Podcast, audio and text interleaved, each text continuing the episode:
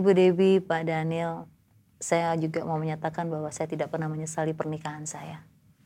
Really? Meskipun saya cerai, saya tidak pernah menyesali Kenapa, Bu? karena mereka.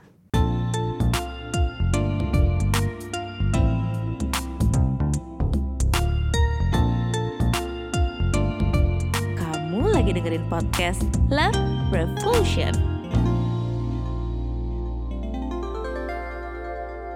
Orang bilang hurt people, hurt others. Orang yang Iya. terluka melukai orang lain. Nah, Ibu kan dalam kondisi yang pasti terluka ya. Ya, Nah, siapa yang Ibu lukai pada waktu itu? my ex mungkin ya. Jadi Ibu Yang paling jelas sih my setiap ex. kali komunikasi perang terbuka gitu. Oh enggak, enggak. Saya enggak, enggak pernah perang terbuka. Saya ini tipe orang yang suka diskusi ya. Seneng banget diskusi, seneng membahas. Tapi kan tidak semua orang menerimanya positif ya. Ya. Apalagi mendiskusikan tentang uh, perilaku dari orang tersebut yang menurut saya harus dirubah. Hmm. Nah itu kebawa tetap gitu. Jadi jadi setiap saya diskusi hmm, pasti ke- saya kesentuh nih eh, egonya dia gitu. Saya bilang meskipun saya ngomong dari awal saya minta maaf nggak ada niat saya untuk melukai nggak ada tapi it's your responsibility. Ini Hmm. Ini tanggung jawab. Kita bisa tanggung jawab di hadapan Tuhan, bukan cuman saya ngomong nih nggak nggak nggak bukan berarti ingin melukai nggak ada, tapi kan akhirnya saya melihat responnya dia terluka gitu. Ya. Sampai akhirnya saya bilang saya berjanji Tuhan saya tidak akan ngomong ini lagi. Dan itu saya lakukan tujuh tahun sudah. Wow. Saya nggak ngomong lagi mengenai itu. Kelemahan dia. Iya, ya gitu. Nah, tapi em, itu itu yang buat saya sih mungkin s- mungkin saya paling melukai my ex daripada orang Ya. lain. Nah, anak-anak Ibu lukai nggak? Kan biasanya kalau orang tua cerai nih ya. Gara-gara kalian, kamu ini kucing-kucing kecil gitu misalnya. Enggak.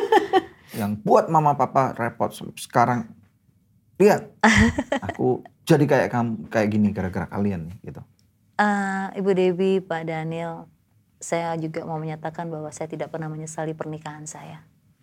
Really Meskipun saya cerai, saya tidak pernah menyesali kenapa bu karena mereka. Karena ada tiga anak ini. Mereka itu bukan cuma anak yang lahir dari rahim saya, tapi mereka adalah alarm yang menjaga saya untuk tidak berbuat salah. Hmm. Mereka lah yang membuat saya, mami, baca Alkitab. Sudah jam eh, 9, mami masih di jalan. Karena saya, Pak Dani tahu pekerjaan saya ya.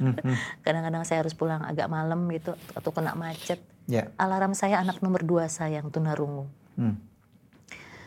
Anak-anak ini baca Alkitab lima pasal tiap hari Pak Daniel Bu Dewi. wow Dan itu saya paksakan. Saya anggap ini adalah pelayanan mereka yang terberat di usia ini. Karena harus membaca lima pasal yang cukup panjang. Hmm. Awalnya memang nggak mudah. Waktu itu saya bisa, lalu saya terapkan kepada mereka yang masih, Nadia waktu itu masih 11 tahun, gitu ya masih belasan tahun saya paksa. Saya bilang, kenapa nggak dikurangi? Enggak, supaya terasa beratnya wow dia mereka saya ajar untuk merasakan struggle. Mereka harus punya struggle gitu. Mereka harus punya punya fight, Tujuannya bisa fight buat Tuhan. Supaya nggak gampang menyerah. hmm. Jadi wow kalau ngantuk saya siapin gelas sama air tinggal taruh di matanya. ngantuk gitu. Mami ngantuk. Mami saya saya juga kadang-kadang suka pura-pura ngantuk atau memang saya ngantuk, saya praktekin. Mami ngantuk nih, aduh gitu. Mereka baca. Alkitab kalau nunggu ibu udah pulang ya. Yes, karena kami ber, Oh. Jadi ber- kalau jam 9 malam belum pulang ya, ngantuk mereka nggak mami. tidur juga iya iya iya Iya, Oke. makanya saya bilang mereka alarm buat saya. wow untuk cepat pulang, untuk Iya. supaya ketemu dengan mereka gitu. Dan eh, yang paling eh, very keen ya membaca Alkitab itu yang nomor dua, yang kebutuhan khusus Ezra namanya. ya nah eh, biasanya juga kalau orang bilang itu Asian divorce itu ugly atau orang Indonesia atau orang Asia kalau kalau cerai itu nggak kayak orang bule gitu bisa join custody bisa pergi bareng nah ibu eh, pernah nggak sampai misalnya marah-marah sama mantan suami kemudian jelek-jelekin mantan suami ini depan anak-anak nih. Papa kamu itu misalnya apa namanya beruang tuh misalnya, ya kan? Ya misalnya atau kucing atau anjing atau apa gitu misalnya. Iya. Em, mungkin tanpa tidak sengaja pernah mungkin Pernah ya. ya? Pernah, Berarti tapi pernah, bukan bukan oke. ke anak-anak. Oh, oke. Mungkin mereka dengar. oh. Karena karena kami kan eh, saya kan tidur sama yang bungsu gitu ya. Ya. Jadi em, mungkin mereka dengar. Hmm. Itu saja.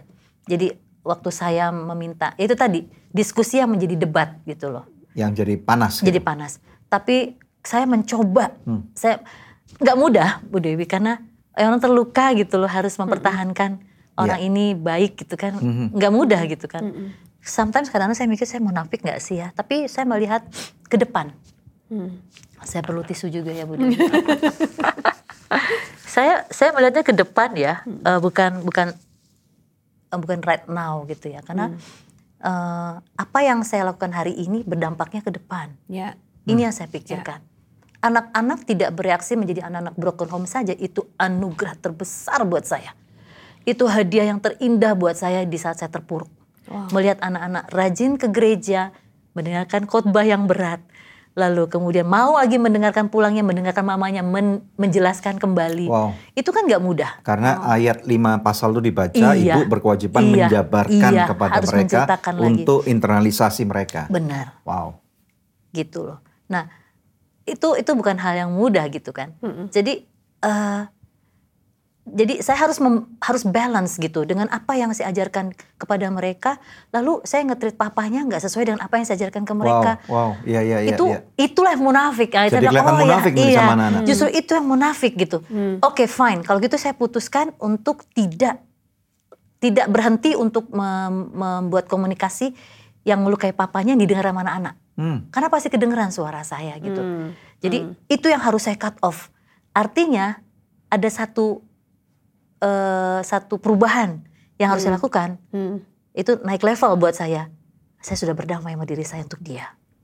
Jadi lepas bukan cuma melepaskan pengampunan, tapi membiarkan sudah dia untuk mengerti sendiri bersama dengan Tuhan apa yang menjadi tanggung jawabnya dia. Hmm. Jadi nggak menuntut Enggak, lagi. enggak mau lagi karena Hmm. itu juga akan akan menjadi hal yang negatif buat saya. Saya nggak akan berkembang dengan Tuhan. Hmm.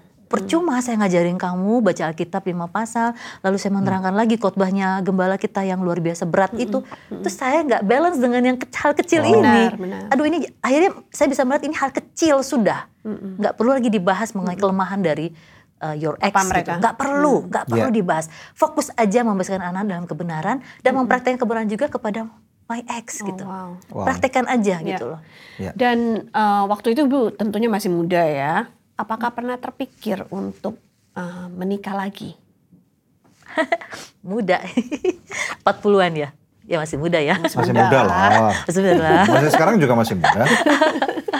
eh eh, kepikiran untuk menikah lagi mungkin kalau jujurnya tuh awang-awang ya nggak yang confirm saya mau menikah lagi enggak ya tapi kalau ditanya pernah jatuh cinta lagi pernah saya nggak mau bohong seperti yang saya ngomong di depan mengenai pergumulan saya saya pun juga nggak akan saya akan terbuka Ya. bahwa saya pernah jatuh cinta dengan orang lain Hmm. itu saya nggak nggak nggak denial itu karena buat saya itu manusiawi ya Hmm. Hmm. Lalu yang menjadi persoalan adalah apakah memutuskan untuk meneruskan Ya. lalu Oh, membuat pernikahan kedua gitu. Hmm. Saya tidak bicara Alkitab dulu. Ya, saya nggak bicara bahasa Alkitab.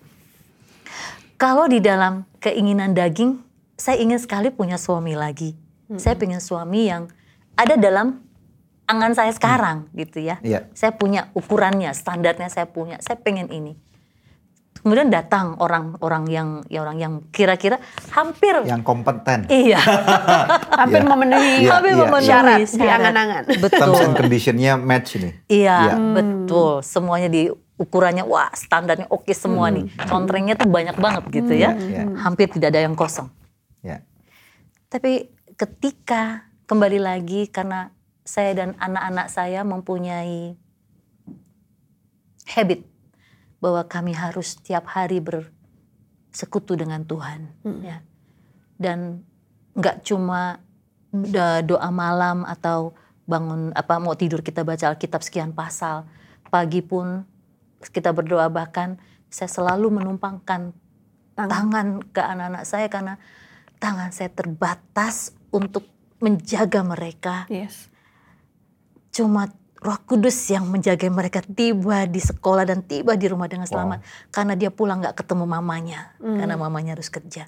Hmm. Itu saya mau berkati dengan sungguh-sungguh dengan bertaruh bergantung betul sama Tuhan mereka dijaga. Ketika hati itu ada untuk Tuhan, maka saat di saat saya mendapatkan pengalaman hidup, saya diberikan kesempatan untuk jatuh cinta sama hmm. orang lain. Hmm maka kedekatan dengan Tuhan itu membuat saya akhirnya datang lagi sama dia. Is it yours or mine? Hmm. Ini milikmu, kehendakmu kehendak atau Tuhan saya? apa kehendak ibu? Hmm. Maksudnya untuk untuk menikah ulang nih, meneruskan uh, cintanya. Iya, meneruskan. Ya. Mungkin belum sampai pernikahannya, meneruskan, meneruskan perasaan ini, perasaan, perasaan cinta ini, yang ya. lagi bersemi ini. Benar. Ya. Jadi lalu uh, di saat itulah saya merasakan bahwa Tuhan sepertinya mengatakan contrengnya banyak, tapi aku nggak di situ. Hmm. Saya bisa merasakan satu kepekaan bahwa Tuhan nggak ada. Hari itu Tuhan nggak ada. Oke Tuhan. Kan kalau hitung-hitungan dagang rugi saya. Udah standarnya hmm. gitu kan. Hmm. Hitung-hitungan dagang ya susah lagi deh. Harus urus hmm. sendiri gitu ya. Tetapi ketika saya flashback ke belakang, di masa-masa sulit itu, saya melihat ada sosok pribadi yang bukan cuma menopang dan memenuhi kebutuhan kami secara jasmani. Semua kebutuhan kami bukan cuma sampai di situ. Tapi eksistensi pribadi ini juga memenuhi kehausan my spiritual life. Hmm.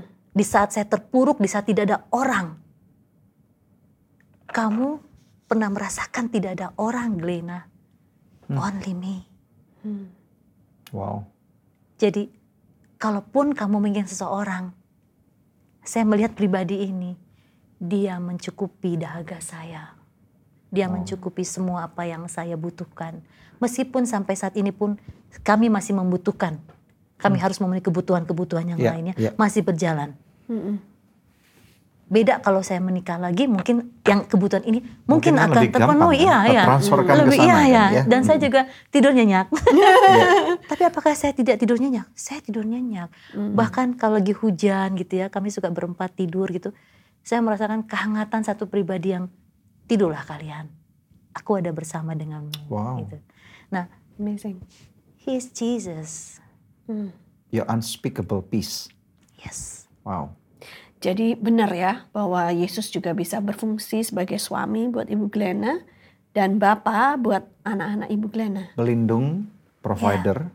Dan ya. bahkan ya. dia mengajari saya karakternya dia sebagai pelindung, sebagai Bapak, mm-hmm. itu mendidik saya untuk mentransfer kepada anak-anak. Hmm. Mau nggak mau saya menjadi Bapak. Jadi ibu juga berfungsi sebagai mama yes. and papa at the same time. Yes. Mm. Mami mm. and hmm. daddy. Yes. Yeah, mm. yeah, Karena yeah. saya harus mendidik anak-anak ini apa itu arti tanggung jawab. Mm. Wow. Karena bertuhan itu tidak bisa hanya I believe in you God gitu ya. Mm. Yeah. Harus ada tanggung jawab. Respon itu berbentuk tanggung jawab. Mm. Tanggung jawab dalam semua hal. Anak saya harus belajar tanggung jawab itulah sebabnya saya memberikan waktu sama anak-anak itu untuk untuk banyak ngomong hmm. gitu ya hmm. karena mami nggak punya warisan yang banyak mungkin juga mami nggak ada warisan yang bisa mami tinggalkan hmm.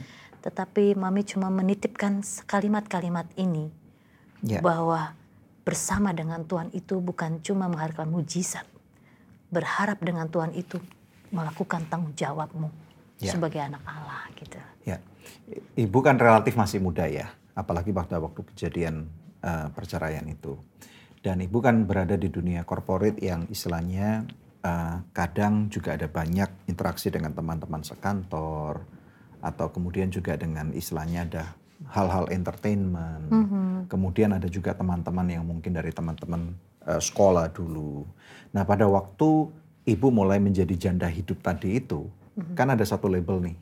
Nah ada orang-orang yang ngomong mungkin nggak, misalnya kalau orang-orang yang udah udah cerai, istilahnya kan you have nothing to lose. Sedangkan kamu juga punya kebutuhan uh, Biologis. biologis, seksualitas. Mhm. Nah, ini ini gimana nih pemenuhan kebutuhan seksualitas ibu? Maaf nih, mau tanya nih dalam hal ini. Kebutuhan Iya. seksualitas ibu kan ada satu kebutuhan yang nggak mungkin bisa didinai dan bagaimana eh, yang ibu lakukan pada waktu ibu adalah seorang janda tadi ini, gitu. Mhm. Iya, em, saya harus menemukan kata yang baik. Sebenarnya kalau bicara seks, nggak tahu ya laki-laki perempuan beda ya Bu Debi. ya. Beda, beda, Iya beda, ya. beda. beda gitu ya laki-laki dan perempuan nggak sama gitu. Ya itu tadi ya. Em, saya saya nggak saya nggak bicara dengan orang yang eh, sehat rumah pernikahannya seperti Pak Daniel dengan Ibu Debi ya. Tapi kalau orang yang bercerai itu eh, luka itu dalam biasanya. Dan itu mempengaruhi kehidupan seks. I see. Ya. Oke. kalau saya ya. Itu sangat mempengaruhi sehingga eh, saya tidak merasakan bahwa itu adalah satu kebutuhan yang harus dipenuhi. Gitu loh. Jadi satu tahun lewat saya cuma bilang satu tahun saya bisa melewatinya Mhm. maka Allahku yang sama akan menemaniku di tahun berikutnya dua tahun sudah kelewati maka tahun ketiga pun saya bisa melalui dan itu saya perkatakan terus setiap tahun ini bisa ini bisa ini bisa Itu termasuk di dalamnya adalah tentang kebutuhan keuangan, Iya. kesehatan, Iya. termasuk seksu- seksualitas ini. iya betul Dan memang kebetulan saya punya traumatik Iya. juga mengenai Iya, itu. dia punya trauma yang kita tidak bisa mengerti gitu. Jadi dia sudah. Iya. tidak mempunyai gairah iya, lagi di iya, bidang jadi itu. buat saya itu nggak nggak penting. Nggak penting. Bukan sesuatu Iya. yang urgent apa yang sesuatu yang harus dipenuhin. Tapi mungkin nggak semua single mom atau janda bisa seperti ibu ya. Nah, kalau misalkan dalam kasus mereka yang gairahnya masih membara itu nasihat apa yang bisa ibu berikan kepada mereka supaya nggak kemudian jatuh ke pelukan pria-pria yang salah kan gampang. gitu kan Bu? Maksudnya istilahnya biasanya nih ya, eh, ini dalam dalam observasi saya Iya, nih ya. iya. Perceraian terjadi, ada satu masa denial. Iya. Nah, Iya. ada apalagi orang-orang yang tidak dekat dengan Tuhan. Iya, Even then iya. orang-orang yang dekat dengan Tuhan, saya kalau melihat mereka, ya udah deh, saya udah cacat anyway. udah udah terlabel nggak baik. Oke. Iya. Laki-laki nggak baik, wanita nggak baik. Iya, ya udah iya. deh, saya akan mencoba untuk membalas misalnya. Misalnya laki gua atau atau atau mantan gua kayak gini, ya udah, gue juga lakukan hal yang sama, berhubungan seksualitas dengan siapa aja yang bisa saya coba, Hmm. ya kan? Dan kemudian akhirnya rebound, rebound, rebound. Kemudian sampai istilahnya dari pelukan yang satu kepindah ke pelukan yang lain dan seterusnya jadi satu adventure gitu. Ya. Dan keterusan. Ya, oke. Gak mudah saya mengatakan ini karena Yes. eh, setiap perempuan berbeda-beda Yes, kebutuhannya ya. yes, yes. Eh, saya cuma mengatakan seperti ini. Bercerai itu salah. Hmm. Bercerai itu salah. Saya mengakui di hadapan Tuhan bersalah. Tapi cukuplah salah di situ saja. Hmm. Karena bercerai menjadi orang yang salah, tidak Tuhan tidak menghentikan kita untuk memiliki kesempatan hidup yang berkualitas di mata Tuhan. Bercerai tidak membuat kita kehilangan kualitas hidup di hadapan Tuhan. Yes. Kenapa? Karena saya percaya, karena saya mengalaminya. Karena saya percaya bahwa setiap pernikahan itu ketika kita bercerai, itu yang saya bilang tadi, dia tidak membuat saya jatuh, tapi dia gendong saya. Nah, meresponi gendongnya ini yang Ya. tidak dirasakan oleh orang-orang yang bercerai. Yang tadi itu saya Iya, sebutkan iya. tadi itu. Oke. Dia nggak merasakan itu. Nah, bagaimana untuk bisa merasakan? Kembali lagi, berapa lama waktumu 24 jam kau berikan buat Tuhan? Hmm. Jadi ketika saya bersalah pun saya mau belajar seperti Daud. Hmm. Daud ketika kehilangan anaknya dari Bathsheba, di situlah dia terpuruk, tapi tidak membuat dia berhenti untuk menjadi sahabatnya Allah. Hmm. Justru ini momen yang penting, ini momen di mana kita menunjukkan kualitas kita di mata Tuhan, Yes. bahwa kita bisa menjadi seperti pribadi yang diinginkan oleh Tuhan Alright. itu yang itu yang Ya. saya pelajari. Nah, Bagaimana menghilangkan kedagingannya? Seperti saya bilang tadi, hari ini saya bisa. Saya juga bisa untuk hari yang lain. Alkitab itu bukan cuma pajangan atau dibaca pada waktu ke gereja atau pada waktu lima pasal. Hmm. Tapi saya menjadikan Alkitab itu pasangan hidup saya. Nggak mudah. Bentuknya tulisan, bagaimana mungkin? Tulisan orang lagi. Oh hasratnya beda, ini tulisannya apa? Hasrat saya beda. Tapi ketika membaca Alkitab, membaca firman Tuhan, kita membayang, bukan cuma membayangkan ya, tapi ada satu sosok pribadi yang yang begitu setia yang bilang kamu bisa melewatinya bersama dengan aku. Wow. Dan saya cuma menyarankan kepada orang-orang yang bercerai, terutama yang janda, yang perempuan ya, yang yang laki-laki biar Pak Sudanil saja ya. saya nggak mau Ya. menggurui takut nanti ada yang tersinggung. Tapi saya mau mengatakan gini, ini sama waktu saya berdiskusi dengan teman saya yang LGBT. Saya bilang, kamu sama saya bedanya apa? Hmm. LGBT dengan janda cerai bedanya apa? Wow, that's good. Apa bedanya? You and me sama. Hmm. Kita punya hasrat, kita jatuh cinta. Kamu jatuh cintanya dengan sejenismu, saya jatuh cinta dengan pria ini. Hmm. Ya. Tetapi ketika saya jatuh cinta, LGBT biasanya konotasinya sudah berhubungan seks. Ya. Ya, harus dengan hubungan seks, dengan gaya mereka. Ya. Lalu nggak ada tuh yang namanya LGBT pacaran cuman sebagai pegangan tangan nggak ada. ya bukan anak kecil lah. Exactly, Ya, ya, ya, ya. Hmm. Eh, kalau anak kalau orang anak muda kan bisa cuma pegangan tangan Iya. saja sampai pernikahan. Demikian juga dengan janda hidup. Karena mereka pernah merasakan That's sex right. life, ya. Apa beda kamu sama saya? Tidak ada bedanya. Hmm. Tetapi Allah bilang, apa yang menjadi pergumulanmu adalah kamu kamu kamu kamu jalani, saya jalani. Hmm. Saya punya kesempatan untuk melakukan zina. Kamu pun juga punya kesempatan untuk melakukan zina. Sama-sama nih. Sama-sama. Ya. Tetapi Allah mau melihat kualitas hidup kita. Hmm. Allah mau, mau, mau melihat kualitas hidup kita di mata dia. Ketika saya mendapatkan kesempatan untuk bisa melakukan ini, lalu saya tolak. Tidak.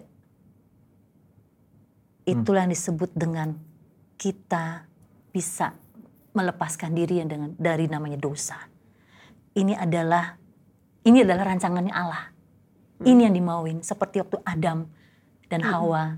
Allah itu kepengennya begini gitu Mhm. bukan masuk di situ. Sama dengan kamu.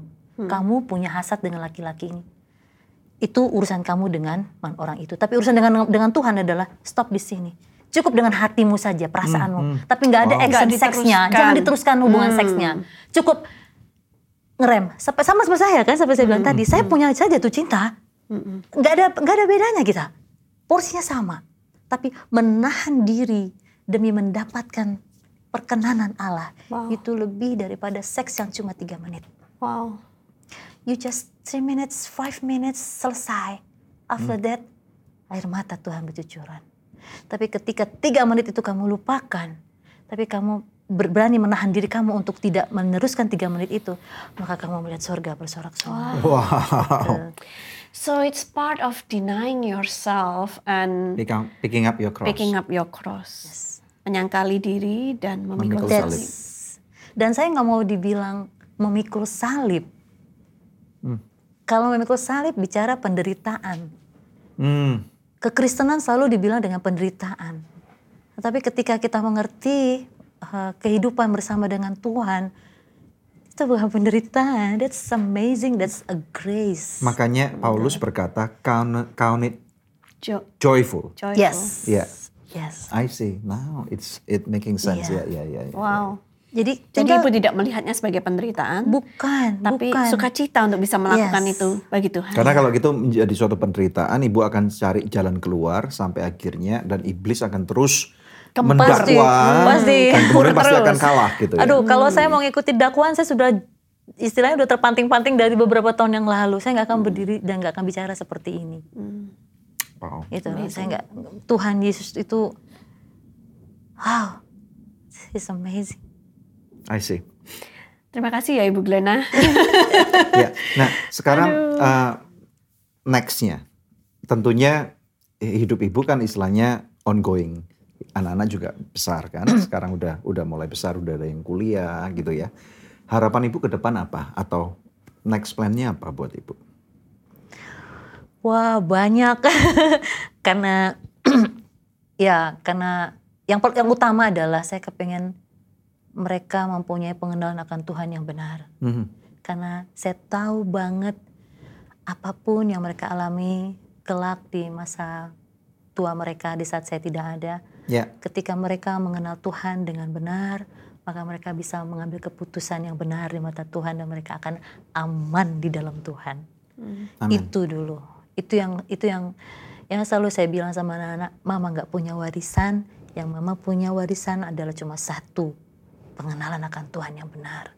Karena itu yang menuntunmu bukan cuma diberkati saat jasmani, Ya. tapi engkau membuat surga bersorak-sorai dan ketika kau pulang Tuhan bilang aku mengenalmu gitu. Wow. Yang kedua adalah saya ingin mereka belajar dari kesalahan kami Ya, kesalahan saya dan papanya ini adalah satu tolak ukur yang harus dihindari. Makanya saya mengajarkan mereka itu sesuatu yang salah di saya, saya kasih tahu perbaikannya menjadi pengajaran buat mereka. Contohnya, jangan jadi orang yang suka hearing, tapi the good listening. Listening itu ada empathy, ada perhatian dan mau bekerja sama ya, itu listening gitu loh. Kita butuh itu dan itu nggak cuma diberikan pada pasangan hidup, tapi kepada setiap orang yang membutuhkan untuk kita dengar dengan hati gitu. Itu yang saya, saya bilang. Studi yang baik, mama apa pun mama akan kerjakan di dalam Tuhan. Mama akan lakukan untuk studi kalian dan yang besar kebetulan udah mau lulus tahun depan sudah skripsi lagi Ya, magang mantap. di perusahaan saya juga di tempat saya kerja. Dan anaknya cukup uh, memiliki leadership yang saya nggak sangka. That's good. Biasanya Wow. kan anak-anak seperti itu kan seperti anak minder, minder. Ya, bahkan anak saya speak up gitu Lima ya. pasal sehari. ya karena firman Tuhan bekerja dalam kehidupan Iya, dia. iya. Metanoia, pembaharuan Saya me- budi. saya membuktikan sendiri bagaimana firman Tuhan itu benar-benar menjadi apa ya? eh, bukan cuma pedang dan gada untuk membuat mereka kuat, tapi eh, Tuhan hidup di dalam mereka gitu. Amin. Amazing. Itu mengalami Tuhan, mereka mengalami itu itu yang paling penting sih Ya. buat saya. Ya, oke. Eh, beberapa pertanyaan penutup nih, secara singkat aja. Makanan kesukaan ibu apa? Paling kesukaan saya. Eh, tapi saya mau ngomong satu hal sebelum makanan. Ya. Saya- Kalau soal makanan, nanti saya banyak soalnya. Saya semua pemakan kecuali B2 ya. Saya belum belum bisa makan itu. Oh, really? oh iya, iya saya bisa makan. Iya. Satu hal yang membuat saya eh, bangun ya eh, untuk Tuhan itu adalah saya ngambil keputusan di tahun 2018 sekolah Alkitab. That's Oke. good. Iya. Wow. Saya ambil di salah satu STT di Jakarta. Em, saya ambil teologi kontekstual waktu itu eh, terkait dengan agama alam yang ada di NTT dari suku Boti. Namanya Halaika, agama Halaika. Wow. Very interesting. Saya ke sana eh, backpacker gitu ya, dan ketemu dengan rajanya dan ngobrol banyak dan mendapatkan tesis yang buat saya it's amazing. Wow. Dan ini juga menjadi eh, omongan juga orang Korea ngapain sekolah teologi? Apa yang mau dikotbahin gitu? Oh, iya, iya. Eh, ada, bukan tidak ada gitu. Ke kiri salah, ke kanan salah, sekolah Alkitab salah. Salah. Apalagi nggak sekolah Alkitab, apalagi kalau pulang malam juga Wah, salah kan ya. salah semua. Jam 10 malam belum pulang, ini ngapain perempuan ini? Jam 10 belum pulang ini. ya. Tetap single salah, married ulang salah, kagak ada yang benar. Nggak ada benar ya. Nah, kemudian, Tapi karena karena bangkitnya, karena itu karena Tuhan menguatkan saya setiap hari gitu ya, mendongkrak semua kesalahan-kesalahan saya, dosa-dosa saya, keluncasan ya, kemelesetan saya dalam dengan Tuhan. Sampai Tuhan bilang, ayo sekolah, Amazing. eh, belajar mengenai aku gitu. Dan ketika belajar lagi, saya memberikan contoh pada anak saya. Yang pertama adalah umur 50 tahun pas saya di wisuda tahun lalu, saya bilang umur 50 tahun nggak menjadi halangan untuk menjadi sarjana. Amazing. wow. Kamu pun bisa. Yang kedua adalah yang mama ambil ini kebetulan memang sekolah teologi. Mama cuma mau bilang bahwa bersama dengan Yesus tidak ada yang mustahil. Haleluya. F2 nih berarti ya. Umur Iya, 50 Mas. tahun. Iya. Amazing. Tahun Congratulations. iya. Ya, ya. Kembali kepada makanan. makanan kesukaan ibu apa? Apa ya? saya makanan Jepang suka. Makanan Jepang. Iya, makanan. Jepang Kalau teh sama kopi, milih mana? Air putih kali ya. Tas dong, aku juga peminum air putih. air putih. Ini pesen karena ditawarin aja tadi. Iya, Terus iya. Tiba-tiba jadi kepengen. Ibu Debbie yang nawarin. Iya, Saya iya. boleh minum sedikit. Silakan, Silakan, silakan, silakan, silakan, silakan. Eh, kalau misalnya ada pilihan nih, ada pilihan ibu eh, kalau misalnya mau berlibur luar negeri atau dalam negeri. Uh, dua-duanya. Suka berlibur berarti. iya. Oh, saya suka, saya suka banget. Iya, iya. Saya suka banget. Eh, mungkin kesempatan pertama saya mau mencoba keliling Indonesia. Hmm. Tapi kalaupun saya punya kesempatan keliling Indonesia, saya nggak mau cuman buat jalan-jalan. Kalau bisa saya ada kesempatan untuk khotbah di orang-orang kecil, saya mau Nice. khotbah Oh, wow. atau ketemu dengan saya pasti akan bawa kamera. Saya mau coba lihat kehidupan di sana apa yang bisa saya pelajari. Sambil bikin program. Iya, iya, iya, iya. kayak gitu ya. Eh, sebe- sudah beberapa kali eh, saya keluar kota sampai ke Timor Leste waktu itu Keren. Eh, em, untuk meliput beberapa eh, kegiatan dari Katolik Mhm. sampai pernah di Kalimantan Selatan tidur di hutan. Wow. Em, jadi kayu eh, rumah panggung gitu. Terus di- saya disediakan kamar sendiri. Begitu saya lihat kamarnya, oh oke fine, ini kayaknya nggak nyaman, ini bisa orang ngintip dan lain sebagainya. Oke, saya ke ruang tamu di mana kru saya, laki-laki semua, anak-anak muda gitu ya, umur-umur 20-30. Geseran kamu. Kenapa bu? Saya mau tidur di sini sama kalian. Dan akhirnya saya tidur. Lebih aman ya? Lebih aman saya sama kalian. oh gitu bu? Iya gitu. Dan itu di hutan Wow. di hutan terus tidur begitu sendok air eh mandi gitu ya sendok air. Ini kenapa banyak jentik-jentik ini gitu ya. Oh mungkin baknya kotor jadi so saya buka keran saja tampung mau siram itu begitu saya buka keran oh sama saja. Ya sudahlah hajar. Iya, iya, iya. Eh, saya suka saya suka itu di pedalaman dan itu tidak menghalangi saya untuk untuk bisa ke tempat-tempat seperti Amazing. itu karena dari tempat itulah saya bertemu dengan Tuhan. Wow. Ya, ayat favorit sebagai penutup, ayat favorit firman Tuhan yang ibu punya, yang selalu Yohanes- menguatkan ibu ketika Yohanes ibu 4 rasa lemah. ayat 34. Apa bunyinya? Makananku adalah melakukan kehendak Bapa dan menyelesaikannya. Ini satu That's amazing. Menjadikan kehendak Bapa sebagai makanan kita. gitu. Saya ditanya makanan tadi, "Hmm, semua makanan saya suka. Mau bakso, mau empek-empek, mau apa, semua saya suka. Makanan Jepang, western, apa pun saya suka. Saya pemakan segala. Hmm. Kecuali yang itu tadi ya. saya belum ketelan itu B2-nya. Saya suka makanan, lalu saya masukkan kalau empek-empek itu adalah kehendak Bapa. Di mana saya melakukan itu menjadi makanan saya gitu. Jadi nah ini saya, saya baru nangis ini. Kehendak Bapa itu yang kadang menurut orang merupakan hukuman atau peringatan, perintah, kewajiban yang tidak enak sekali. Tapi ketika dalam keadaan terpuruk, lalu melihat kehendak-kehendak itu, itu seperti mutiara. Mutiara yang bisa membuat kita eh, bukan cuman eh, bertemu dengan Tuhan, tapi dia ada di dalam kita makanan itu broma ya di dalam terjemahan bahasa Ya. Yunani broma itu benar-benar makanan artinya bukan kiasan Tuhan Yesus bilang Hmm. makananku adalah melakukan kehendak Bapa gitu dan menyelesaikan pekerjaannya jadi makanan ini bukan cuma dimakan menjadi makanan menjadi nutrisi dalam tubuh kita tetapi memampukan kita untuk melakukan pekerjaan Dia Yes. That's amazing gitu. Saya seorang yang berdosa, saya orang yang saya orang yang tidak berharga di mata dunia ini, saya tidak berharga.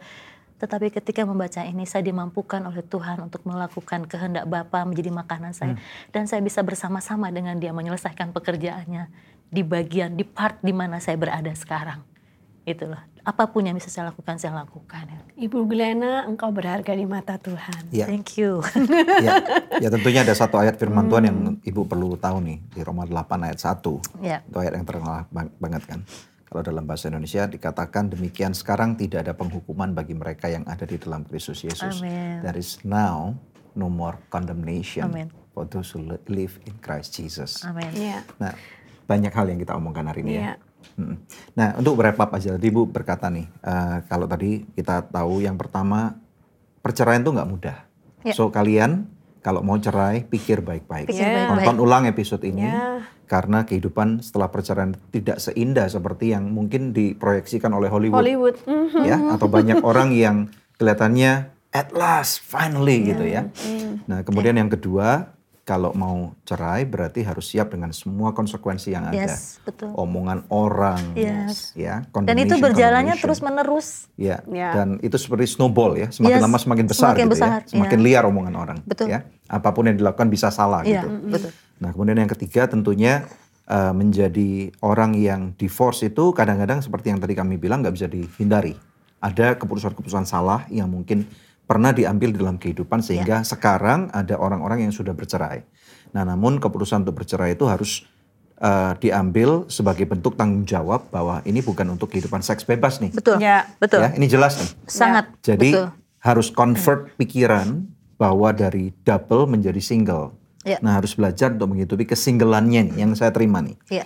Nah kalau tadi ditanyakan kalau dari segi laki-laki ya saya rasa struktur anatomi tubuh manusia pasti beda laki-laki dengan perempuan. Iya. Laki-laki mempunyai sex drive yang jauh lebih tinggi nggak bisa dipungkiri. Nanti ya. aja kita undang narasumber yang laki-laki. Ya, nah, namun I think ini perlu untuk singleness ini. Jadi um, uh, even yang laki-laki perlu untuk convert pikirannya untuk menghidupi bahwa now I'm single bukan berarti untuk seks bebas, tetapi Ya. untuk menghidupi kehendak Tuhan nih. Apa? Betul, Ya, betul. jadi maksudnya kalau dipikir nggak bisa pasti nggak bisa. Nggak ada orang yang sanggup, nggak ada orang yang mampu. Tetapi Iya. kalau misalnya dengan dasar firman Tuhan pasti bisa nih. Bersama kemudian- dengan Tuhan. Yes, dengan bersama dengan Tuhan nggak ada yang mustahil. Iya. Nah kemudian yang keempat ya mesti melihat ada purpose of life-nya ya. Kalau Iya. ibu adalah anak-anak, nah kalau kamu di luar sana kamu harus cari nih purpose of Betul. life kamu apa nih?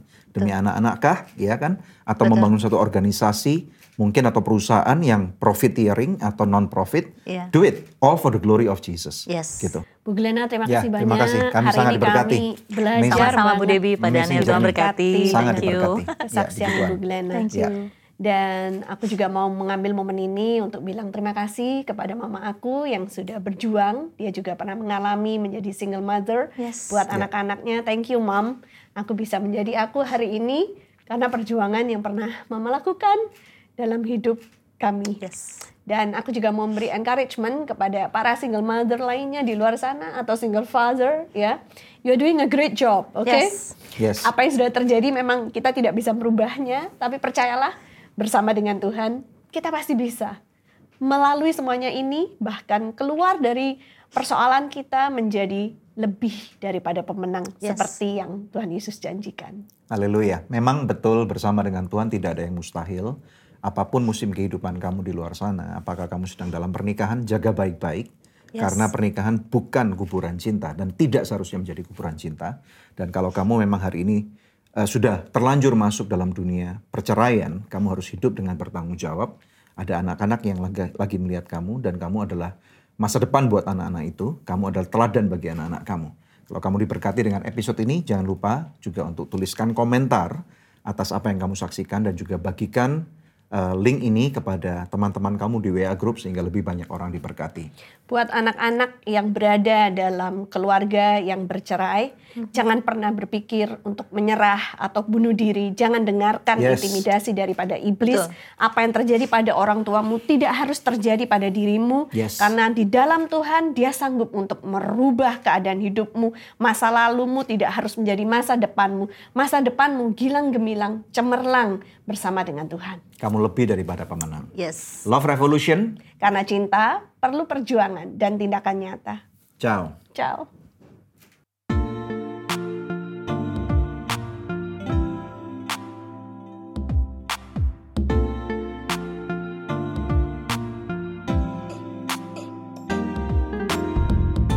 Terima kasih sudah tune in di podcast Love Revolution.